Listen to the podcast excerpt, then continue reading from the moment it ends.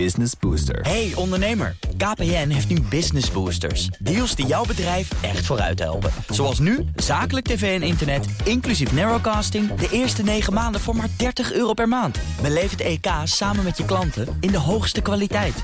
Kijk op kpn.com slash businessbooster. Business Booster. Minigame. Tijd voor een nieuwe minigame waarin we recent verschenen videogames bespreken in All in the Game met André Dortmonds. Feline Hermans. en Joe van Buurik. En vandaag, Feline, een game waar jij heel wat tijd in hebt gestoken. Die heet... Voorspoken. En waar gaat Voorspoken over? Het gaat over een meisje en Frey heet ze. Ze komt uit New York, dus het spel begint ook in New York. En doordat er dingen gebeuren in de game, wordt zij getransporteerd naar een magische wereld. Een beetje een soort Zelda-achtige wereld. Eh, of een beetje Elden Ring-achtige wereld, waar allerlei magie is. Beetje duister ook. Een beetje duister, ja zeker. En zij heeft in die wereld magie. Dus ze kan allerlei spels doen en allerlei bezweringen om daar de heersers die in die wereld zijn te verslaan. En haar missie in het spel is heel duidelijk. Zij wil terug. Zij wil daaruit. Ze wil aan de ene kant wel begrijpen wat die wereld is en hoe dat komt. Maar vooral is zij heel erg op zoek naar diezelfde magie om haar weer terug naar huis te transporteren.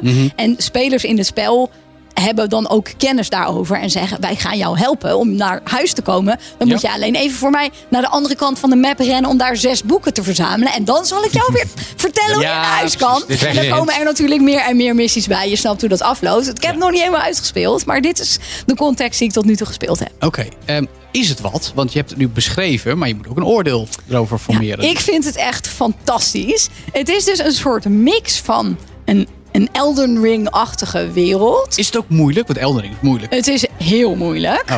Ehm, Moeilijker maar, dan Elden Ring? Ja, dat weet ik. Heb ik niet gespeeld. Dus de situatie bij ons thuis is heel grappig. Dat ik zit naast mijn man op de bank. En hij zit Elden Ring te spelen. en ik zit voorspoken te spelen. Nou, mooi.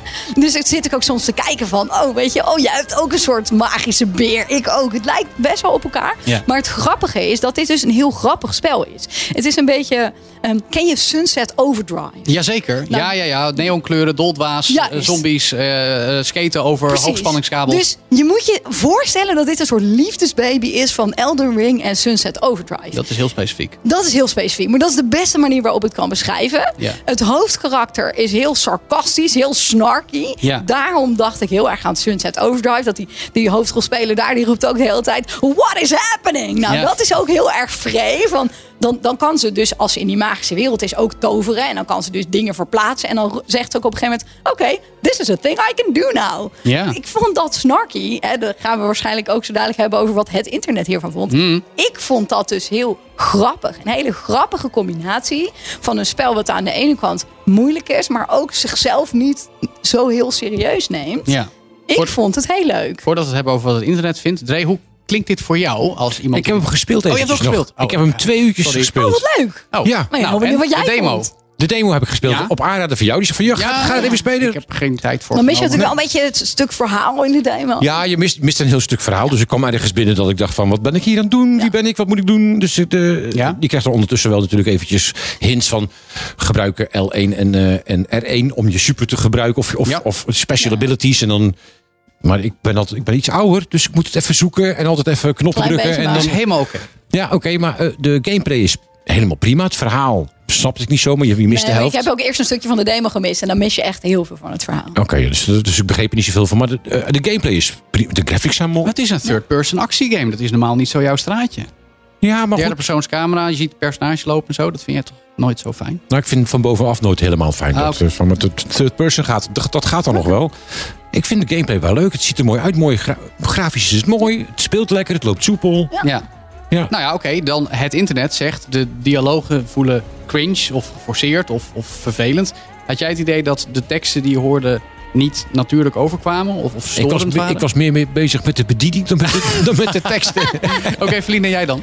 Ja, ik had dat dus niet. Maar het lastige is dat ik, ik had het al gelezen voordat ik het spel speelde. Dus het is heel lastig om dan later nog vast te stellen... had ik dit nou irritant of cringe gevonden als het mij niet verteld was dat ik dat moest vinden. Ik vond het eigenlijk niet eens, maar als je dat dan kijkt, dan zie je wel, ja, ik begrijp wel wat mensen hiervan vinden. Ja. Maar ik heb toch ook wel zeer sterk het gevoel dat het toch een soort seksistische en racistische ondertoon heeft. Want het is ten eerste een vrouwelijk personage. Ja. en ten tweede een zwart personage. Ja. Dus natuurlijk zijn sommige van die teksten best wel en dialoog best wel schraal. Maar is dat niet in ieder spel zo? Hè? Ja. Bijvoorbeeld als je dan een Sunset Overdrive noemt. Soms is het met opzet cringe gemaakt. Ik, Ja. ik speel Fire Emblem Engage, die we laatst besproken. Die is ook heel cringe. En dan is mijn ar- slechte argument, wat ik ook in die minigame zei...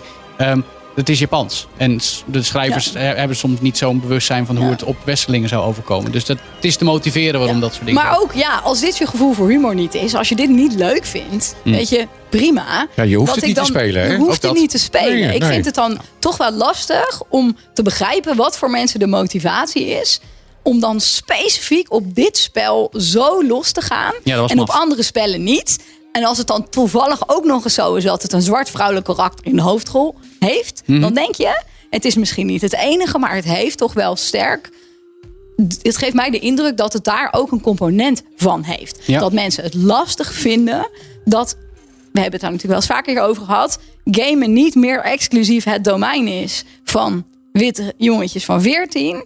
Dat ze zoiets hebben van, oh stop, Ja. nee, dit spel is niet, is niet voor mij, maar ik ben dit niet. Nee, ik vind het best wel lastig om hiermee om te gaan. Dan zal ik één ding aanwijzen wat hier slecht aan is. Terwijl natuurlijk aan ieder spel veel Tuurlijk. dingen zijn aan te wijzen Tuurlijk. waar je iets op tegen kan Wat, wat, wat dit witte jongetje van 34, die heel anders naar de wereld kijkt, gelukkig, tenminste vind ik, ehm, dan wel wil weten, tot slot, is gewoon de game de moeite waard? Is dit een game die iets nieuws doet, iets bijzonders, waarvan je zegt, dit moet je gewoon spelen? Want het is wel een game waar lang naar uitgekeken is. Zo van, Ja. hey, een nieuw soort, nieuwe, nieuwe setting, nieuwe, nieuwe sfeer. Het is, juist niet, die, het is niet een nieuw soort game, volgens mij. nee, Dat ben ik helemaal met jou eens. Ik vind het niet een nieuw, een nieuw soort game. Het is een action-adventure met ook een verhaalcomponent.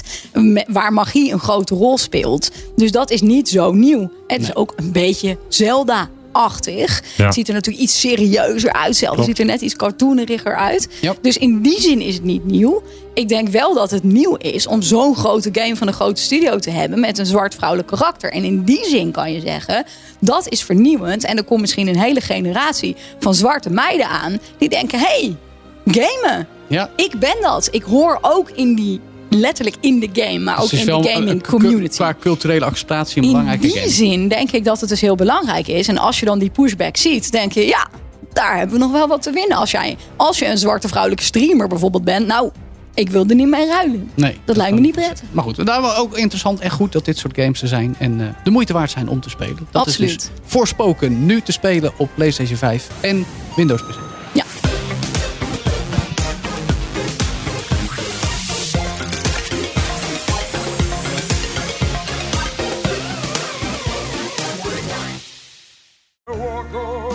Hardlopen, dat is goed voor je.